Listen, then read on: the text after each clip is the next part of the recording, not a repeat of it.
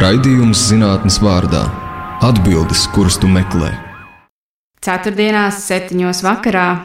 Divas profesors no Latvijas Universitātes, no Pedagoģijas psiholoģijas mākslas fakultātes, Baiva Martinsona un Ieva Stalkenberga. Labvakar! Labvakar! Sveicināti! Jā, un, un kāpēc es lūdzu Ievai un Baibai pastāstīt par to, ko viņas dara? Manās rokās nonāca, nu labi, es jau zināju jau kādu labu laiciņu, ka viņas strādā pie viena ļoti interesanta projekta garīgās veselības veicināšana skolās. Un um, tas projekts, uh, kāpēc tas ir būtisks, svarīgs, nav tikai ar, ar, ar, ar rezultātiem, pie kā mēs arī nonāksim, bet uh, viņš ir milzīgi apjomīgs. Un es tagad nolasīšu, precīzi nocitēšu par to, kas tur piedalījās. Tad pētījumā tika iesaistīti 2187 Sigūdas novada bērni un pusauģi. Vecumā visi kopā bija no 3 līdz 16 gadiem. Viņu vecāki un 135 pedagoģi. Ja. Un tas vien jau ir milzīgs un iespaidīgs uh, pētījums. Klau, bet uh, es tagad palūkšu jums divos vārdos pateikt, kas tas bija, kāda bija sākotnējā doma, kāpēc jūs par to sākāt domāt, virzīt, attīstīt, nu beigās iesaistīt 2187 bērnus un pusauģus. Kā, ka, ka, kas bija atskaites punkts? Ja, jo es varbūt vienu teikumu vēl pateikšu, un tad jums jau šķiet, ka viņa tagad jau es pa daudz runāju. Tad, tad te bija milzīga nozīme arī tam, ka tas notika Covid laikā. Vai Bet vai tas sākotnēji bija plānots, ko jūs plānojāt, ko jūs domājāt, vai tas vienkārši sakrit? Nu, pastāstīt par atskaites punktu, kā tas viss sākās. Nu, tad es sākšu izstāstīt tūlīt. Atskaites punkts ir diezgan attālināts, jo mēs jau zinām, ka Latvijā pēdējos gados, patiesībā pēdējos desmit gados, tikai mēs normāli sākam runāt par to, ka skola ir ne tikai lai mācītos zināšanas, bet arī lai attīstītos par sakarīgu cilvēku. Un patiesībā pasaulē tas jau bija sen zināms. Latvijā mums trūka pierādījumu, ka tādas lietas darbojās, un zinām pretestība pārņemt dažādas programmas no Amerikas vai no, no, no Rietuma Eiropas. Līdz ar to tas atskaites punkts bija hmm, vairāk kā pirms desmit gadiem, kad mēs izveidojām pirmo sociālo-emocionālās mācīšanās programmu skolās. Un sākām arī pētīt tās efektivitāti, un pēc tam visi nākošie projekti un nākamās iniciatīvas, kas sekoja, bija vērstas tieši uz to, lai turpinātu šo ideju, jo zinātne ne tikai atver acis un apgaismo prātus, bet zinātne arī virza politiku. Tad lielais virsmērķis bija integrēt izglītības sistēmā sociālo emocionālo mācīšanos vai teiksim, personības attīstību kā absolūtu skolas uh, ikdienas prakses daļu. Es, es baidu uzreiz tā pārtraukšu, drusku, ja drīkst mm patāt, kas ir tā sociāla emocionālā mācīšanās. Un tad atgriezīsimies pie tā, ko stāstīju. Es pieņemu, ka tā ir vārdu kopa, kuru jūs minēsiet vēl nereiz vienu, un tad, lai pēc tam būtu skaidrs. Sociāla emocionālā mācīšanās patiesībā ir pilnīgi neatņemama, integrāla kopējās attīstības daļa. Jo sociālo, sociālo un emocionālo prasmju attīstība ir neatraujama no fiziskās attīstības. Tas nozīmē, ka, ka bērni apgūst spēju vispār saprast savas emocijas, saprast, ko, ko viņi domā, kā viņi jūtās, pārvaldīt paši savu uzvedību, domas un emocijas saprast citus cilvēkus, veidot attiecības ar citiem cilvēkiem, risināt konfliktus, izvirzīt mērķus, uh, sadarboties ar tiem, kuri mums nepatīk, nepakļauties vienaudžu spiedienam un tā tālāk. Patiesībā šīs sociāla emocionālās prasmes ir, pat, ir pamats, lai vispār varētu sakarīgi mācīties. Jo, ja tev nav mierīga sirds, galvā ir troksnis, tu esi pārņemts ar domām, garlaikots konfliktā vai tā tālāk, tad, tad patiesībā akadēmiskā mācīšanās nemaz sakarīgi nevar notikt. Tātad sociāla emocionālā mācīšanās tas nozīmē, ka mēs gan ar tiešiem paņēmieniem piemēram, ar konkrētām stundām, kurās māca sociālo-emocionālās prasmes, vai arī ar netiešiem paņēmieniem, ar visādiem ļoti foršiem, viltīgiem, maziem uh, pedagoģiskiem gājieniem, attīstam šīs prasmes skolā. Un ka skola apjēdz, ka, tā, ka šai, šai lietai ir apzināti jāvelta uzmanība. Jo mums jau vienmēr standartā ir bijusi tā, tas paziņojums, ka mēs strādājam un gatavojam skolā harmoniskas personības, bet kur tad viņas varēja rasties? Patiesībā tam vispār nebija telpa. Un tad mēs mācījām, kā cerējām, ka tas ies cauri mācību saturu, tad lasām balto grāmatu un staburaga bērnus, kristīgo ētiku, un pēc tam bērni iet starpbrīdī un liek viens otram pa galvu. Jo patiesībā viss ir. Nu, jā. Jā. Paldies, paldies, paldies. Es arī tagad ātrumā pierakstīju vēl dažus jautājumus, ko es jums vēlāk uzdošu par, par um, šo mācību saturu. Bet mēs palikām pie tā, ka jums bija doma, ka vajag pārbaudīt. Un tad es sāku prasīt. Ja? Nu jā, patiesībā tas apskaites funkcija jau tagad jau tā tuvojās, lai mēs nonāktu pie šīs garīgās veselības veicināšanas uh, programmas. Uh, pakāpeniski strādājot šos gadus, mums izveidojās ļoti plašs starptautisku kolēģu tīkls. Eh, kas strādā visā pasaulē ar līdzīgām, līdzīgām iniciatīvām. Un tad uh, bija nobriedusi tā, tā situācija, ka mēs pamatā bijām strādājuši, ka ir sociāla-emocionālās mācīšanās programma, kas ir materiāls pedagogam, kā tu strādā ar bērniem, lai veicinātu viņu attīstību. Bet tad mēs dabūjām pirmos datus, ka paši skolotāji, darot šīs lietas skolā, ir ieguvēji. Gan tas, ka viņi mazāk izdeg, gan tas, ka viņiem ir, ir uh, lielāka iesaiste viņu darbā, gan tas, ka viņi jūtas uh, efektīvāki. Tātad tas, tas ir arī par pašiem pedagogiem. Un tad mēs nonācām pie, pie secinājuma, ka mēs veidosim Eiropas līmeņa iniciatīvu, lai izveidotu ne tikai sociālo-emocionālās mācīšanās, bet visu tādu kopēju garīgās veselības veicināšanas modeli, lai to aprobētu un lai izmērītu šīs programmas efektivitāti visās iesaistītajās valstīs. Tad, tad iniciatīva nāca no jums. Jā, un, kol un kolēģiem. Tātad mēs bijām vairāk, vairāk kolēģi kopā, un, un vadošais uh, kolēģis ir Milānas Bikokas Universitāte. Uh, un mēs esam viņa labā roka, jo mēs sadarbībā šo veicām. Tas ir tāds aptverošs ievads, tagad iesim detaļās. Es uzdošu jautājumus par smalkākām lietām. Jā, sadalīsim to visu. Tajā, ko, jūs, ko, ko jūs paši sakat, jūs stāstat par to, ka notika šis milzīgā mēroga pētījums. Vai, vai, vai to drīkst saukt par eksperimentālu pētījumu? Tas kādu neaizvainos, nu, kad eksperiments ar cilvēkiem, bērniem un vēl pastāvdies ar skolotājiem. Sauksim par kvazi eksperimentālu pētījumu. Kvazi eksperimentālu pētījumu. Tas ir vēl smalkāk. Kas ir nu, tas, tas ja, tehniskais pamats, kā to taisīt. Man šķiet, ka šajā gadījumā būtu svarīgi pastāstīt klausītājiem, nu, drusku pavērt durvis uz kvazi laboratoriju. Ka būtu jāsaka tā, ja šajā gadījumā, tā nav īsta laboratorija, bet nu, liela mēroga reālās dzīves pētījums. Droši vien, ka bija kaut kāda nosacījuma, kas jāizpilda, jo, jo, jo es, es, es domāju, tas šajā gadījumā arī ir ļoti, ļoti interesanti. Jā, es, es īstenībā, man liekas, labs jautājums. Es domāju, ka šis pilnīgi noteikti ir tā vērts, lai to saukt par eksperimentālu pētījumu. Jo, jo tas, kas šeit izpildījās, pavisam noteikti mēs nu, varam runāt, ka mums bija kaut kāda veida iedarbība, un šī iedarbība bija ļoti skaidri strukturēta. Un šī iedarbība bija tas, ko sauc par programmu. Programma garīgās veselības veicināšanas skolās. Un ko tas sevī ietver, ko tas nozīmē? Tā ir programma, kurā kā sastāvdaļas, kā iesaistītās puses, ir iesaistīta gan skolu vadība. Un tāpēc ļoti, ļoti būtiski, ka šī projekta līdzvērtīgs partneris ir Siguldas novada izglītības pārvalde, jo viņi bija tie, tie kas arī Latvijā veidoja šo nu, pašvaldības līmeņa pārstāvniecību un patiešām lauku, kurā šis lauka pētījums notika. Ja, tad tās bija Siguldas novada visas izglītības iestādes, kuras bija tas potenciālais lauks, kurā tas viss varētu notikt. Um, tur bija iesaistīti pedagogi. Tas nozīmē, ka šajā programmā tika sagatavota struktūrēta, skaidra programma, kā skolotāji, plašā nozīmē pedagogi, arī pirmsskolas izglītības iestāžu pedagogi piedalījās.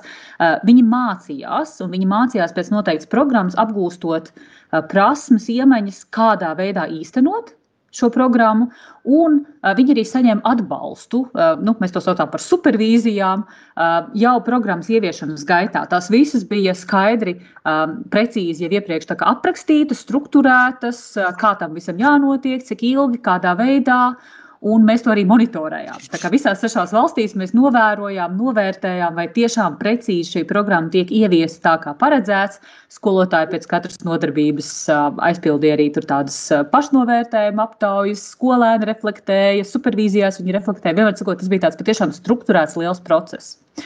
Un šī programmas ļoti, ļoti svarīga daļa bija rokas grāmatas. Rokas grāmatas, kas nozīmē reālu praktisku stundu plānu ar pilnīgi visu gatavu. Ja? Tā kā ievada aktivitāte, izvērsums, refleksijas daļa, papildu materiāli, visas veidlapas, darba lapas, viss, vis, kas, kas būtu nepieciešams šīs nodarbības vadīšanai, no trim gadiem līdz pat vidusskolai, protams, sadalot noteiktās vecuma grupās, ja tad tās rokas grāmatas kopā bija gan skolotājiem, gan, gan, gan audzēkņiem domātas. Jaunākie bērni, protams, to skatījās kopā ar vecākiem. Ja, tad, tad patiešām kopā tas kopskaits bija, vai neļaus samelot, man liekas, tādas precīzā veidā rokas grāmatas bija četras, bet tur vēl bija papildus materiāli ar, ar vārnīcām un, un, un visko citu. Nu, jā, un, tad tā, un tad tā programma ietvēra vēl arī to, ka mēs iesaistījām arī vecākus. Ja, tās bija nodarbības vecākiem kurās arī notika tikšanās. Um, tur bija gan lekcijas formāta nodarbības, gan arī tāda interaktivitāte. Nu, jā, tā ir tā iedarbības daļa. Ja? Tā ir tā iedarbības daļa. Programma ļoti visā savā plašumā.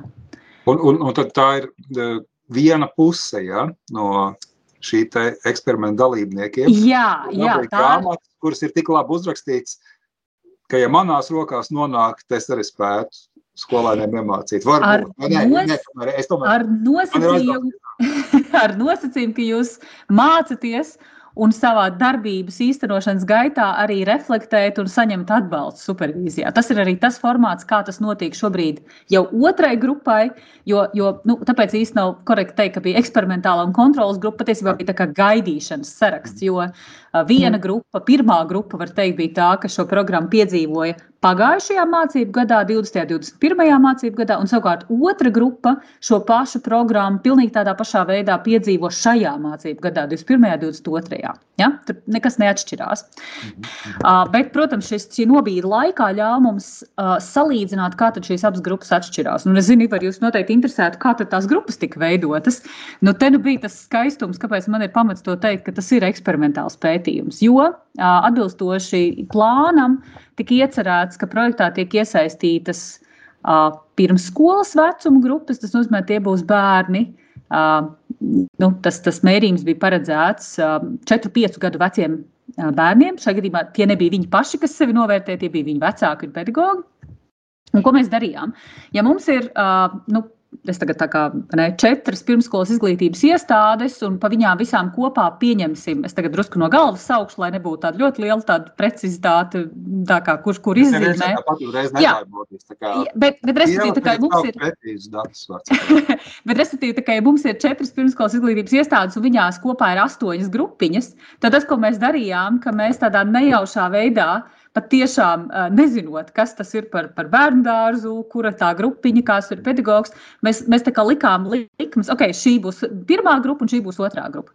Līdzīgā veidā notika arī ar visām klašu grupām, otrā, trešā klasē. Um, ne, nākamajā vecuma grupā, cita, cita vecuma klase līdz pat devītai klasei. Um, Tad, tad A, B, C un cita veida grupējums. Mēs vienkārši ņēmām, ah, tad šie A ir vienā, tad no citas skolas A ir otrā grupā. Patiešām tas bija tādā nejaušā kārtā sadalīts. Ja nevis katrs bērns individuāli iedalās vienā vietā, bet klase, protams. Jo, jo tā ir nu, ļoti tuvu tam, ko zinātniskā žargonā dēvēt par nejaušinātu eksperimentu. Jo. Jā, jā. Nu, viņš nebija tā, kā mēs nevaram teikt, ka viņš ir pilnīgi, pilnīgi nejaušs. Mēs nemetām monētu par katru bērnu. Uh, bet pavisam noteikti tas, uh, nu, tas princips bija ļoti, ļoti tūs šim nejaušinātajam sadalījumam. Un tas mums dod iespēju patiešām runāt, ka tie rezultāti, ko mēs esam ieguvuši, nomērot pirms un nomērot pēc, tad mums ir pamats teikt, ka jā, šīs izmaiņas pirms un pēc uh, ļauj mums novērtēt šīs programmas ietekmi. Un, un vēl salīdzināt ar otru grupu, kur dabūja ietekmi vēlāk. Ja? Jā, Jā, nu, kur tajā brīdī, ne, kad ir mērījums, pa vidu viņi mācījās kā parasti.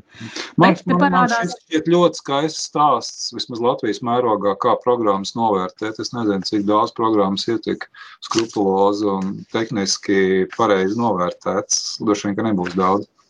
Un mēs jau arī dabūjām ļoti augstu nu, response rate.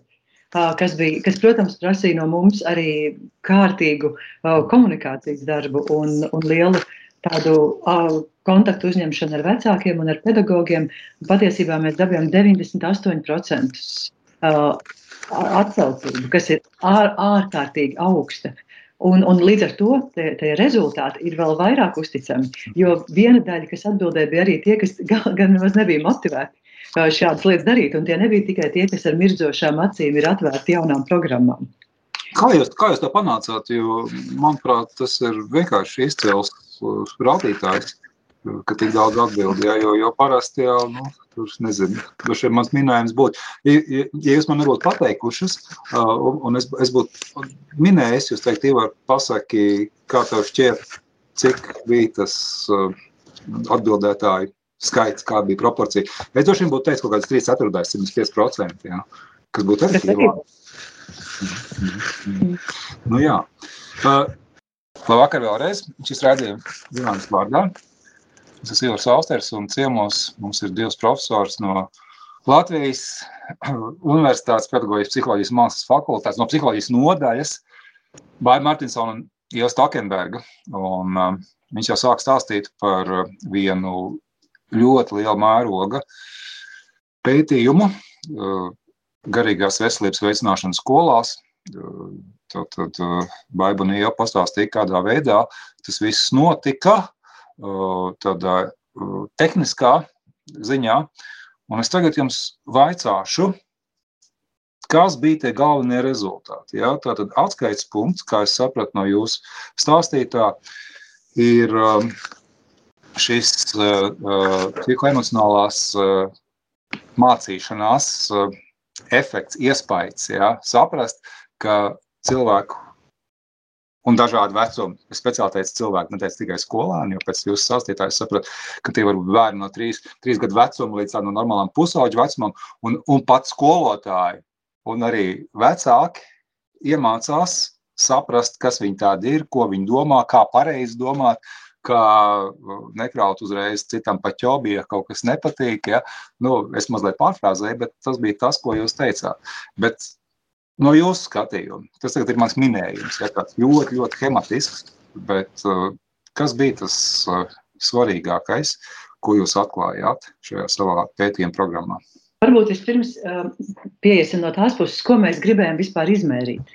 Jā. Jo uh, tad, kad mēs gatavojam programmu, programmas saturā, uh, uz ko mēs mērķējam, ir trīs lielie vaļi. Uh, Tātad viens valsts ir jau tā minētā sociāla emocionālā mācīšanās, tad sociāla emocionālo prasmju attīstīšana. Līdz ar to mēs uh, gribējām nomērīt, kā mainās sociāla emocionālās prasmes. Spēja saprast sevi, uh, pārvaldīt sevi, saprasties ar citiem, uh, pieņemt atbildīgus lēmumus. Tad otrais valis bija dzīvesspēks, jeb sīkstums, ko sauc par resilience. Tātad spēja atkopties no lielajām traumām no, no lielajām nepatikšanām. Tātad mēs gribējām redzēt, kas notiek ar šo. Uh, Un trešais valis mēs programmā mēģinājām dažādā veidā preventīvi mazināt uzvedības un, un sociālo un emocionālo problēmu rašanās risku. Līdz ar to mēs arī gribējām mērīt uh, visādus uh, problēmu rādītājus, kas saistījās ar uzvedību, ar, ar saskarsmi un ar, emocionā- ar emociju pašregulāciju. Tas bija mūsu oriģinālais mērķis, uh, bet mēs paralēli dabūjām fenomenālo ieguvumu, ka mēs izmērījām ne tikai programmas efektivitāti, bet tā programma mums pārklājās ar pandēmiju. Un mēs dabūjām longitudinālu mērījumu pandēmijas laikā, kas ir absolūts unikums. tagad, tagad, tagad kāds klausīsies un teiks, ko tie zinātnieki tikai neizdara, lai dabūtu interesantāks rezultāts. Jā, Jā, un šeit tas brīnišķīgais, eh, nu, tas, tas brīnišķīgais eh, secinājums, ka zinātne atver acis. Jo šajā gadījumā praktiķi mums saka, ka visi ir šausmīgi, skolās ir šausmīgi, visi ir izdeguši, visi bērni nezin, kur likties, aktu trakums, ā, un to saka praksē. Bet tad, kad mēs pieliekam klāt zinātni, mēs varam dabūt daudz sakarīgāku priekšstatu par to, kas reāli notiek. Šī man šķiet ļoti, ļoti svarīga lieta, ko tu Bārta tikko teici. Kur ir tā atšķirība starp uh, praksi un zinātni šajā gadījumā? Jo man šķiet, ka tas ir ļoti nu, tāds parasts gājiens, ka tagad uzaicina augstas klases profesionāļus uz radio, uz televīziju, medijos plašā nozīmē un prasa, nu, kā tad mums ir, kam mums tagad jāpievērš uzmanība. Ja? Un tad katrs no savas skatu punkta pasaka kaut kādus divus, trīs punktus. Tā skaitā to, ko tu tikko teici. Uh, bet kur ir tā atšķirība ja, starp šo te augsts klases, nenolieksim, profesionālu skatījumu un zinātnes skatījumu? Kāpēc tas vienmēr nesakrīt? Nu, es teiktu, ka zinātne piedāvā sistemātisku novērtējumu. Uh, un, un analīzes. Savukārt, uh, praktiķis uh, emocionāli izceļ tos atsevišķos keisus, tās, tās atsevišķās, kas viņam sagādā rūpes. Un, un tas ir ļoti bieži, ka skolotāji tur šos trum, tumšos briežus prātā un pret tiem attiecina visu. Kas, kas vispār notiek, un, un diskvalificē, saka, šī programma nedarbosies, atnāc uz manu klasi un pamēģini to izdarīt ar šito bērnu redzēs, ka tev nekas nesanāks. Nesanāks jau arī. Un vēl, protams, ir viena lieta, ka, ka dažkārt praktiķi, uh, nu, labi, tas nebūs varbūt smuki tā teikt, bet tam es ticu. Uh, paši netiek emocionāli galā ar to situāciju. Un problēma ir nevis tajā, ka bērns pa daudz cieš, bet tajā, ka pieaugušais uzvelks līdzi un nav spējīgs bērnu mierināt. Jo, ja sakarīgs pieaugušais var iedot bērnam struktūru, iedot viņam jēgu, pat, pat krīzē piešķirt jēgu, tad, tad patiesībā tur jau tas, tā problēma ir jau divreiz mazāka. Vai, vai, vai vispār Covid laikā var būt normāls pieaugušais vispār cilvēks? Kā nu ne? Kā nu ne? Lielākā daļa jau ir pat tie, kuri pat nemaz to neapzinās un šaubā. Nu, es gribētu pieminēt šeit, ka tas strip, stiprā puse un trumpas bija, ka mums šai pētījumā ir dažādas balsis. Mums ir skolotāja skatījums, kur skolotājiem bija iespēja novērtēt savus audzēkņus. Uh, Mums ir vecāku skatījums, kas katrs novērtē savu lolojumu, un no 9 gadu vecuma mēs jautājam arī viedokli pašiem bērniem. Un, un līdz ar to mums ir iespēja nu, paskatīties, ka ir kaut kādas jomas, kurās uh, viņi nesakrīt šie skatījumi. Ja? Un, un, un tad ir iespēja arī kā, nu, patiesībā daudz niansētāk spriest par to ainu, bet tā nu, uzreiz tā izšaujot šobrīd varbūt to, to ķirsi. Tā, tā ir ļoti svarīga lieta, ka mēs negribam devalvēt, ka pilnīgi noteikti bērniem un pusauģiem, kuriem ir bijušas iepriekšējas riska faktori, kuriem ir bijusi predispozīcija, jeb tā kā noslēdz riska komponenti gan sociāli, gan iekšēji, dažādu veidu grūtībām. Protams, ka šis laiks ir uzlicis papildus pārbaudījumu, un daudz no viņiem nav varējuši pietiekami labi tikt galā. Bet caurmērā, un tāpēc ir svarīgi, ko mēs arī šeit pasvītrojam, ka tie ir bijuši praktiski visi šī vecuma bērni visās dažādajās skolās, ja, kuri nu, ir, ir, ir šajā pētījumā piedalījušies, ka mēs redzam, ka globāli pagājušā mācību gadu laikā ir relatīva stabilitāte. Ja mēs redzam, ka patiesībā ir pietiekami laba noturība, mums nav dramatiski pasliktinājusies psihiskās veselības rādītāji, tā kā to nu, mēra bērniem, pusauģiem, tas ir saistīts ar viņu uh, sociālo-emocionālām un, un, un uzvedības grūtībām, ja tā nav īsti būtiski ļoti pastiprinājusies. Vienlaikus mēs redzam, ka sociālo-emocionālai mācīšanai, kurai vajadzētu nu, pieaugt, viņa uh, nu, šajos, šajos rādītājos mēs redzam, ka tur ir kritumi. Mm. kas nozīmē, ka tādā režīmā, kā bērni, un jo īpaši pusauģi mācījās pagājušajā mācību gadā, tā sociāla emocionāla prasme attīstība nenotiek tā, kā tas būtu sakarībā no nu, ar tādu, nu, tādu, tādu attīstības loģiku, kur pretī tie, tā grupa, kas piedalījās programmā, viņiem ir novērojams, ka jā, Nu, tā tas pandēmijas radītais iztrūkums, jā, jā, tas attālināto mācību laika iztrūkums ir kompensēts. Jā. Tas nozīmē, ka veltot šīs ļoti sarežģītajā laikā, ļoti, ļoti komplicēti, bet attālinātās, pieņemsim, mācību stundas, veltot runām, sarunām un diskusijām un specifiskiem uzdevumiem par to, kā tikt galā ar grūtībām, kā meklēt palīdzību, kā risināt problēmas, kā, nu, kā val, pārvaldīt savas emocijas tas ir devis efektu, ka bērniem, pus, jo īpaši pusauģiem, ir nu, parādās pozitīvs efekts. Kā tur ir ar to 75% pusauģu, kam ir slikti? Covid laikā. Es kaut ko tādu esmu dzirdējis. Radio neskaitām, nu labi, es negribu teikt neskaitāms reizes, bet uh, kāds trīs, četras pilnīgi noteikti, jā. Gandrīz visiem pusauģiem ir slikti. Nu, jā, ja tu paprasti vienu mērījumu, kā tev, kā tev tagad iet, un ja tu salīdzini, kā tev agrāk bija un kā tev iet tagad, tad, protams, ka iespējams, ka daudzi saka, viss jau ir relatīvs. Saka, ka agrāk man bija daudz foršāk, vai ka es tagad jūtos sliktāk, bet no tā galīgi nevar izdarīt secinājumu, ka tā ir pandēmijas ietekme. Mm. Uh, Jā, te... nu, var jautājumu droši vien uzdot apmēram tā, vai ne? Uh, kā, uh, tā, dārgie mūsu jautājumu atbildētāji, kā jūs droši vien būsiet pamanījuši, pēdējā gada laikā pie mums plosās pandēmija. Uh, sakiet, lūdzu, kā jūs jūtaties salīdzinājumā ar laiku pirms pandēmijas? Sliktāk, tāpat vai labāk? Jā? Nu, ko jūs atbildētu? Jā, un, tā, un tas ir pilnīgs uh, tāds narratīvs, ko tu vari dabūt ar šādu jautājumu, kas ir jautājot retrospektīvi. Vai, man, vai kādreiz zāle bija zaļāka? Man īstenībā ļoti patika tā, tā daļa, ko jūs atbildējāt, kas atbild uz šo jautājumu, nu, es jau to ironiski, protams, prasīju, uh, to, to, to savu pēdējo jautājumu, uh, bet jūs teicāt, ka ir noteikts apakšgrupas, kurām patiesi tas uh, nenāca par labu. Jā. Un šķiet, ka tā bija ļoti laba precizitātes nozīmē atbildi. Ja vēl piebilst, tad, teiksim, pie, pie pusauģu rezultātiem, pat tiešām, uh, ja programma, garīgās veselības veicināšanas programma bija kārtīgs bufers un kārtīgs aizsargājošs faktors, uh, pret visām lietām, izņemot vienu. Tātad gan tiem bērniem, kuriem bija šī programma, gan tiem, kuriem tā nebija, uh, pazeminājās attiecību, vērtējuma attiecību prasmēs. Mhm. Tās prasmes, kas ir, un, un tas bija tieši 11, 16 gadu vecumā. Tātad tie, kas saka, ka viņiem ir, ir grūtāk veidot attiecības, ka viņi ir vairāk pārpratumu, ka viņi, viņi izjūt vairāk vientulību un šādas lietas, tā kā, tā kā bija patiešām tādi, nu tādi tīrie cirtieni no, no pandēmijas, ko mēs varam redzēt. Mm. Varbūt tagad es uzdošu precīzākus jautājumus, centīšos uzdot precīzākus jautājumus. Ja mēs izējām cauri visiem tiem posmiem, nu, varbūt tādā vecuma pieaugušā secībā, teiksim, sākam no tiem pašiem mazākajiem bērniem, un tad uz skolas vecumu, un tad uz pusauģiem, un tad uz vecākiem skolotājiem. Tā. Ko katram no tā mācīties? Nu, teiksim, ko, ja var tā uzdot jautājumu, ko bērniem no tā iemācīties pirms skolas vecuma. Nu, labi, pat ja viņi paši varbūt tagad nelasīs jūsu atskaites, uh, uh, bet, bet uh, kas ir tas svarīgākais attiecībā uz viņiem?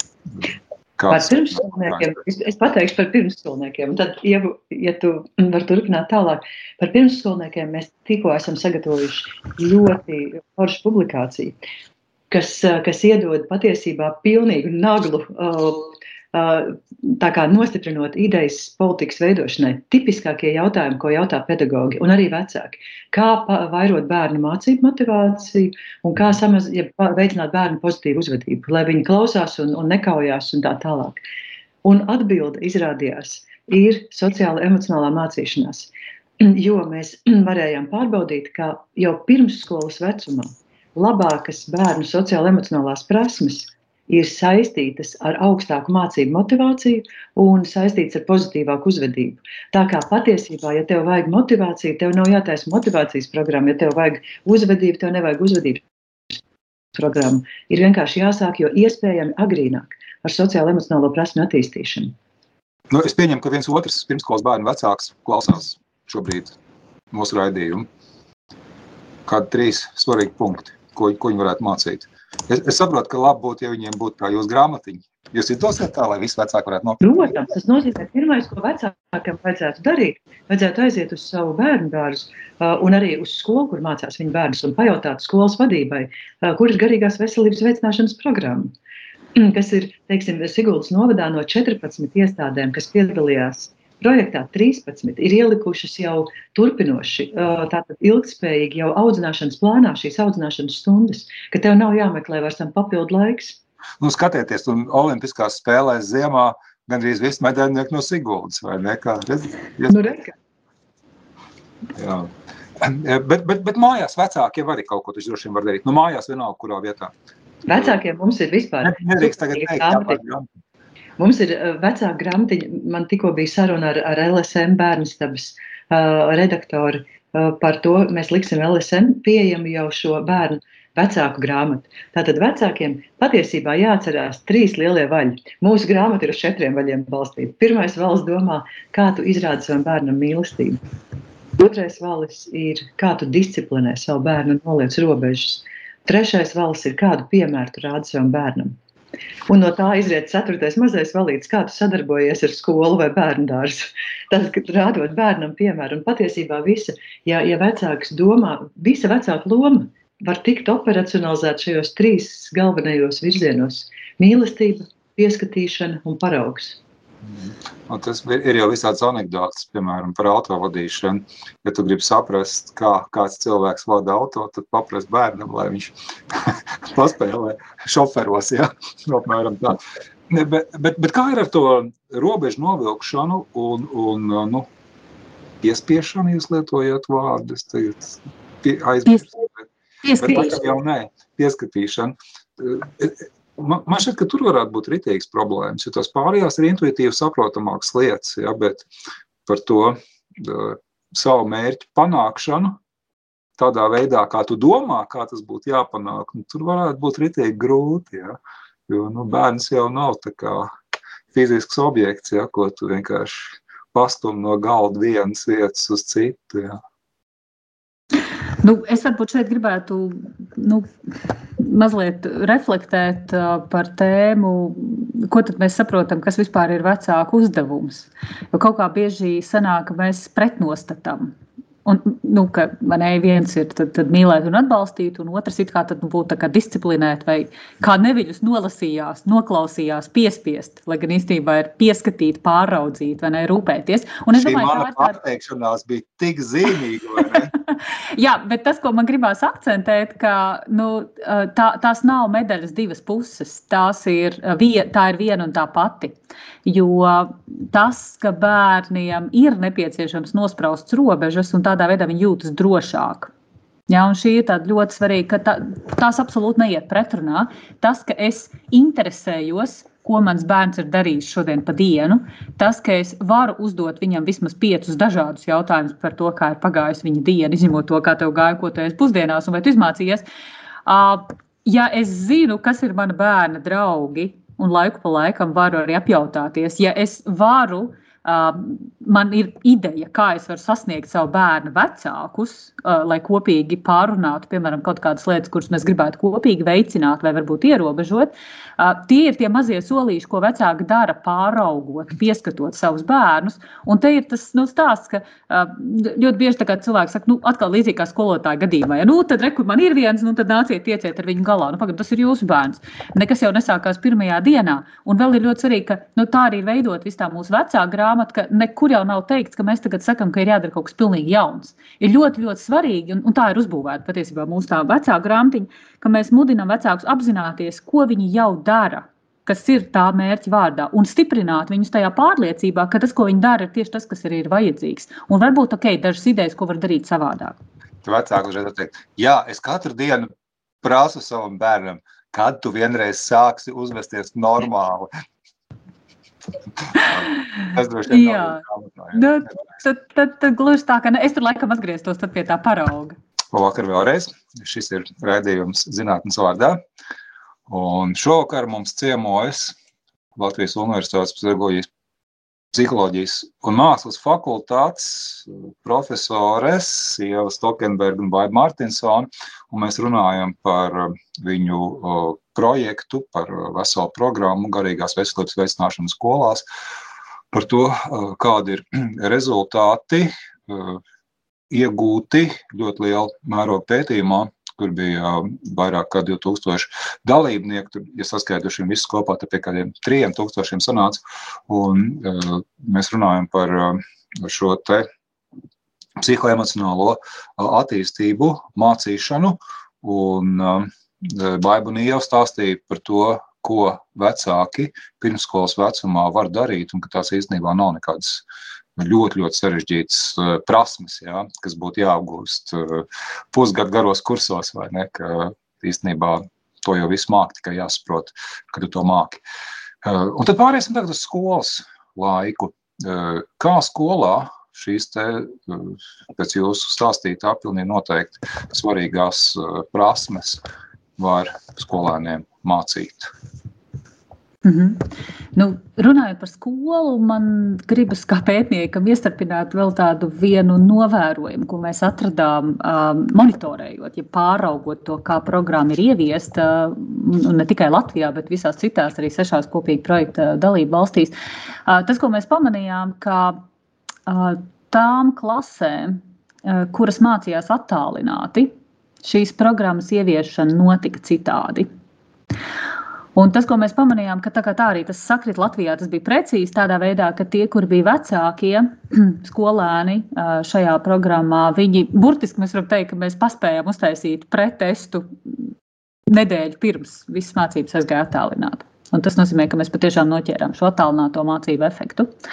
Tā ziņa, ko es gribētu teikt, domājot par skolu, ka jā, mēs ieraudzījām, ka ir grūti ir, ir pietiekami grūti un izaicinoši skolotājiem integrēt uh, jaunu tematu. Bet tāpēc, ka viss, viss šis konteksts bija stresspilns un, un, un prasīja ļoti daudz jaunas prasmes un tehnoloģijas, bet tas nav neiespējams. Un te man gribās atsaukties, ka uh, mēs uh, jautājām arī pašiem skolēniem, kuras bija tās tēmas, kurās viņi paši izjūt, ka tās ir bijušas priekš viņiem nu, visvairāk noderīgākas. Tādas, kurā viņi jūt vislielāko tādu pienesumu. Ja? Mēs nevaram sagaidīt, ka tur mēs tādā standardizētā mērījumā redzēsim izaugsmi, bet kas priekš šiem skolēniem bija svarīgi, ka, viņiem tika, ka ar viņiem par to tika runāts. Un, ziniet, tas ir pārsteidzoši, bet tās bija tieši visas smagās tēmas. Visas tās tēmas, kas ir par uh, spēju tikt galā, pielāgoties pārmaiņām, risināt problēmas skolā, tikt galā ar sociālo izolāciju, ar tiranizēšanas pieredzi, uh, kā tikt galā ar nomāktību, ar trauksmi, ar, ar, ar somatizāciju, ar uzmanības noturību, ar, ar, ar agresiju, nu, piemēram, sakot, ar īsti smagiem tematiem. Un te mēs ieraugam tādu ļoti interesantu nu, pretrunu, ka skolotāji bieži vien minēja, ka tieši ar šīm tēmām viņiem bija visgrūtāk strādāt. Bet skolēni saka, ka tās priekš viņiem bija tās ļoti vērtīgās.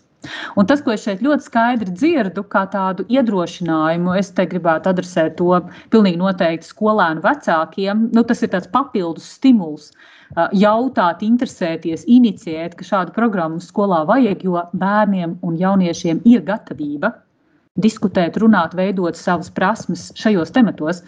Un tā, man liekas, ir ļoti, ļoti cerīga zīme, ka, ka, ka bērni tam ir gatavi, viņiem to vajag. Man, man, man klausoties, radās tāda ķecerīga doma, ka varbūt ir svarīgāk vispār par to runāt, un nav pat tik svarīgi, kādā veidā tu to dari. Nu, ja tu patiešām uh, sāc cilāt šos jautājumus, tad varbūt pat garām nevar aizšaut. Nu, ja reiz citējot ievu, tie ir tādi ļoti, ļoti pārliecinoši rezultāti. Tas tā ir? Jā, un, un patiesībā arī tas, ka ir ļoti svarīgi, lai ja šāda pieeja ir skolā, lai, kā garīgās veselības veicināšanas pieeja, lai tā ir visā skolā. Jo šis ir viens no efektivitātes stūrakmeņiem, ka tā ir visas skolas pieeja. Un nav tik svarīgi, tā ir kā darbības programma. Tev nav kaut kas tieši jāiemāc bērnam, lai pēc tam to viņam atprasītu un varētu ielikt viņam atzīmi par to. Bet, bet ir ļoti būtiski, lai tas notiek pilnīgi pilnīgi visās klasēs, visās grupās. Un, un tikai tad no tā ir efekts. Jo tas, ka skolotāji ir ļoti izglītoti Latvijā, ir tik daudz visādus kursus apmeklējuši, bet mums pietrūks tieši tā, tā, tas drājums vienā virzienā. Katrs kaut ko tur čubina savā, bet lielais kuģis neiet uz priekšu. Kas skolā to mācīja? Jūs, jūs stāstījāt par to, kā vecāki var mājās saviem bērniem šīs, šīs Tātad skolā, skolotāji ir gatavi audzināšanas stundu plāni. Mhm. Bērnu dārzā tas ir vienkārši nu, aktivitāšu plāni, ko, ko ieplāno. Skolā tās ir gatavas audzināšanas stundas. Tev ir reizes nedēļa audzināšanas stunda, tad, piemēram, no četrām audzināšanas stundām mēnesī divas to var izmantot, lai vadītu sociālo, emocionālās, jeb garīgās veselības veicināšanas stundas. Tur ir pilnīgi gatavi. Tātad tur ir sasniedzamais rezultāts ļoti skaidrs. Tātad tāda ierosināšanas fāze, tur ir papildu materiālu, vai nu tu noskaties, vai izlasi stāstīņu kopā, diskutē visādi forši jautājumi, jau pilnīgi gatavi pedagogam. Tad ir padomi par, tad ir dažādas aktivitātes, lomu spēles, reflektēšana un tā tālāk. Un beigās vienmēr pedagogam pēc katras šīs nodarbības ir arī ideja, kā tu vari tagad integrēt šo prasmu attīstību citu priekšmetu stundās. Ko tu vari darīt, piemēram, bioloģijā vai sportā, lai to, ko tu tikko viņam mācīji, varētu Uh, nu, jo vairāk kā, uzturēt un, un ieviest arī ārpus audzināšanas stundām. Jo bieži vien arī, teiksim, Sigulda ļoti viena uh, skolniece liela rakstīja, ka, ka viņa ir ļoti pateicīga skolotāja pirmo reizi redzot, kā audzināšanas stundām viņi pieiet nopietni un ka tām ir jēga. Jo parasti šajās stundās bieži vien vai nu tad nu, kaut ko tur runā par klases lietām, vai taisa kaut kādas organizatoriskas lietas, vai, vai 18. novembra koncertiņu. Bet, bet mēs jau zinām, ka vērtības nevar iemācīties. Bet, bet skolēni kopē skolotājs arī, nu, tas, ko jūs minējāt par vecākiem, man šķiet, tas bija arī tāds, nu, it kā visiem zinām lieta, bet uh, ļoti bieži aizmirst, ja, ka tāda netieša mācīšana ir ļoti, ļoti svarīga. Kā tas skolā notiek? Nu, mazie bērni uh, sevišķi kopē skolotājs, jo skolotājs jau ir uz piedestāla. Mm. Uh, bērni taču arī saka vecākiem, nē, man skolotāja lika, un skolotājs ir tā kā dievs, bet tad pusauģu vecumā, lai, lai pusaudzis varētu normāli attīstīties, autoritātēm ir jākrīt no piedestāla. Jo, ja viņš turpina tās lietas, tad skolotāji var uzspiepēt, jā, tur jāaiziet. Nu, jā, tad, un tad atvērs tās acis, jā. Mm. tad tu saskati, uh, saskati visus šitos trūkumus, bet tajā pašā laikā arī skolotāji bija dažkārt pārsteigti, bet es vairs nebiju pārsteigta. Es jau šo zināju. Bērni arī vecāka gadagājuma skolotājiem. Tās skolotājas, kas saka, es jau esmu veca, ko es vairs bērni vienalga prasa, arī pusauģu skolotāji. Kā jūs domājat, kā jums tas ir skolotājs? Jebkurā gadījumā ir ārkārtīgi svarīga persona. Bet pusauģu vecumā skolotājiem jāsaka kaut kā otrādāk, lai darītu to, ko saka, ka nedrīkst. Tā, tā nav. Nu. Nē, nē, nē. Galvenais konsekvence. Jā. Pat, pat skolēni domā, tas jau ir, ja pat ir skolēni domā, ka tas ir tāds galīgi gaudens, tur tas vai nu klases biedrs vai skolotājs, bet ja viņš konsekventi tāds ir, tad pamazām jau to sāk pieņemt. Un, un visa pretrunas beidzās. Man, man gribās papildināt vienu lietu, jo mēs reiz iesākām par skolotājiem runāt. Šī ir viena ļoti svarīga lieta, ko arī pa laikam tas izklausās. Nu, ko jūs vēl gribat, lai tie skolotāji vēl dara? Nu, vēl, vēl kaut kas te tagad mums ir jādara. Jā? Jātestē, jāreģistrē, attālināt, jāmāca, nu, tad vēl kaut kāda programma.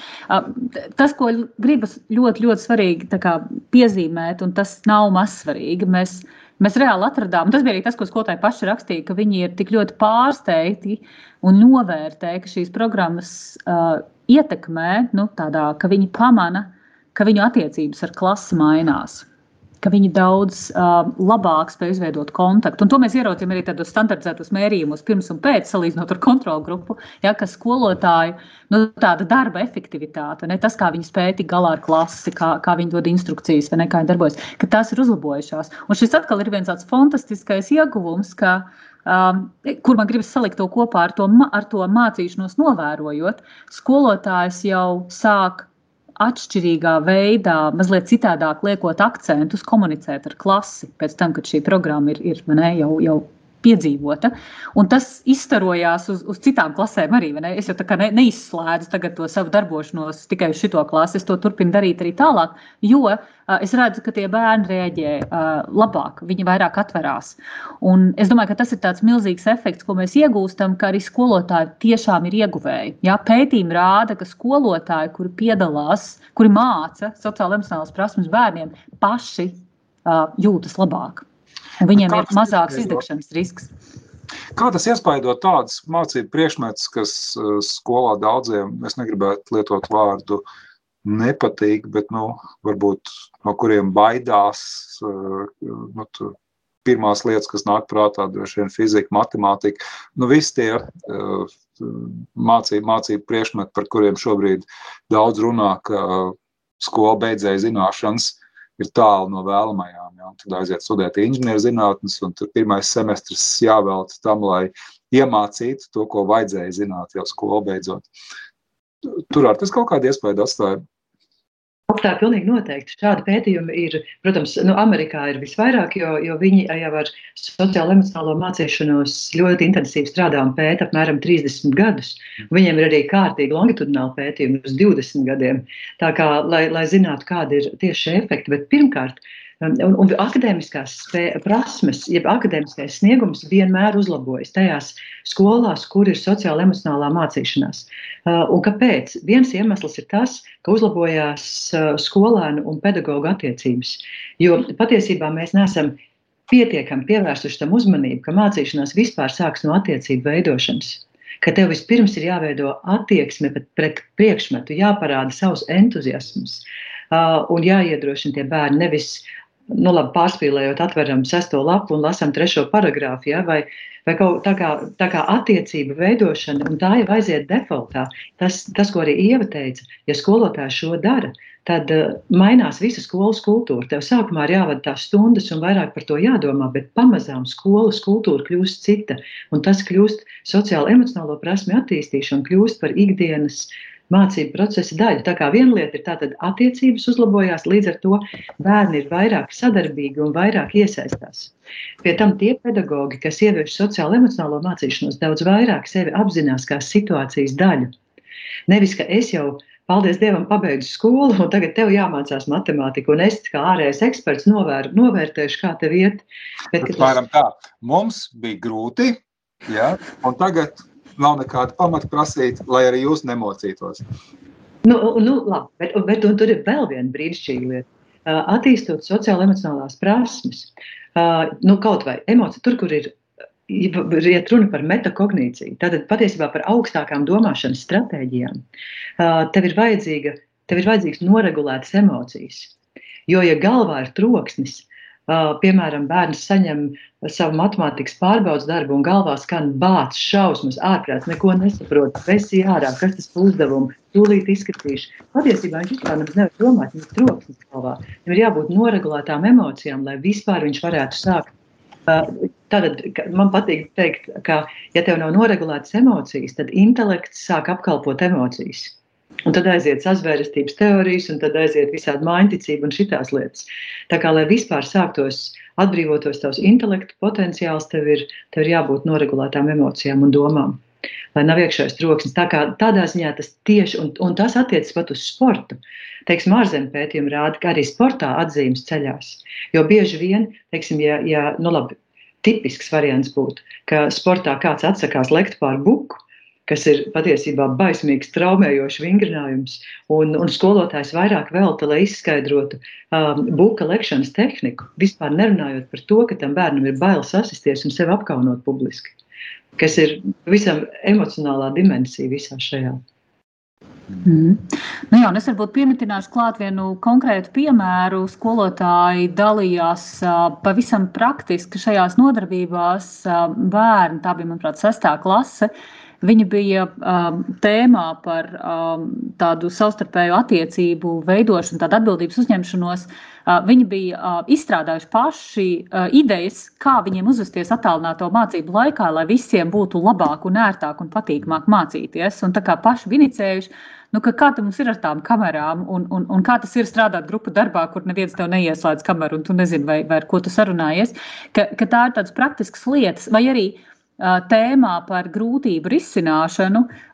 Pilnīgi sirdi aizkustinoši lasīt skolotāju refleksiju par to, kā bērni bija nonākuši līdz idejai, ka prasīt palīdzību skolotājam, piemēram, ejot uz konsultāciju, nav sots Bet tas varētu būt viens mazs solījums, ko viņš varētu darīt, lai labotu nu, potenciāli nesekmīgu atzīmi.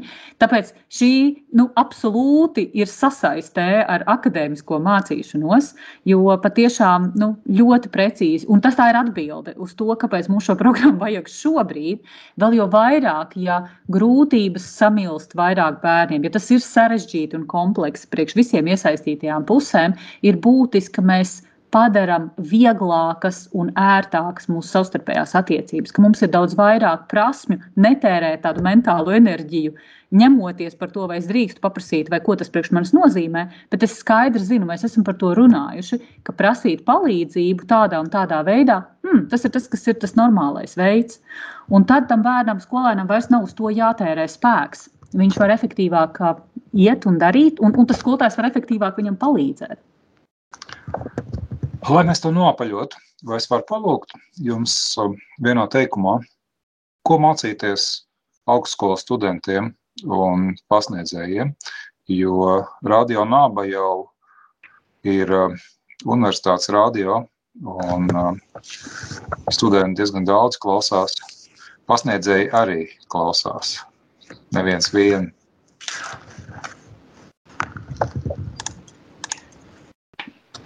Nu, tas nu gan ir jautājums. Bet, zin kā, um, varbūt... Nu, rādījums kaut kā jānobeidz. Jā, nu, zin kā, nobeigsim arī.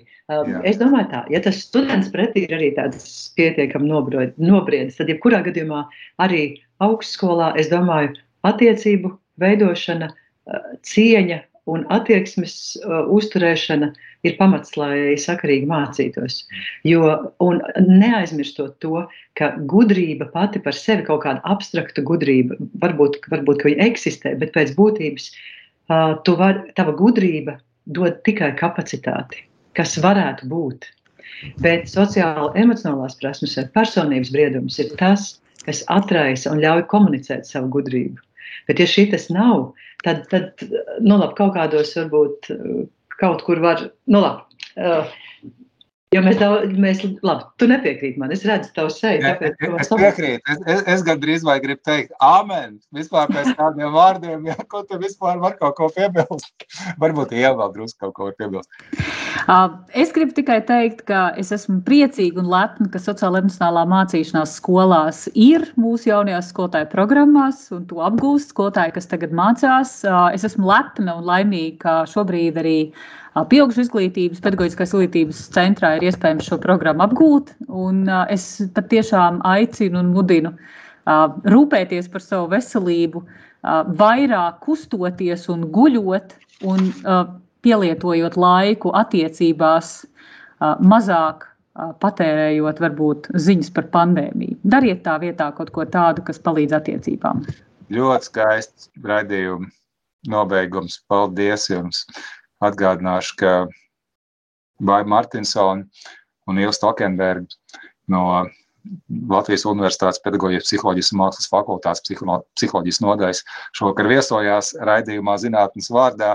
Raidījumu vadīja Ivars Austers, un es te teikšu, ar labu nakti citējot, jau kārtīgi jāizgujās, jāatpošās. Paldies! Visu labu! Raidījums zinātnes vārdā - atbildes, kuras tu meklē. Ceturtdienās, septiņos vakarā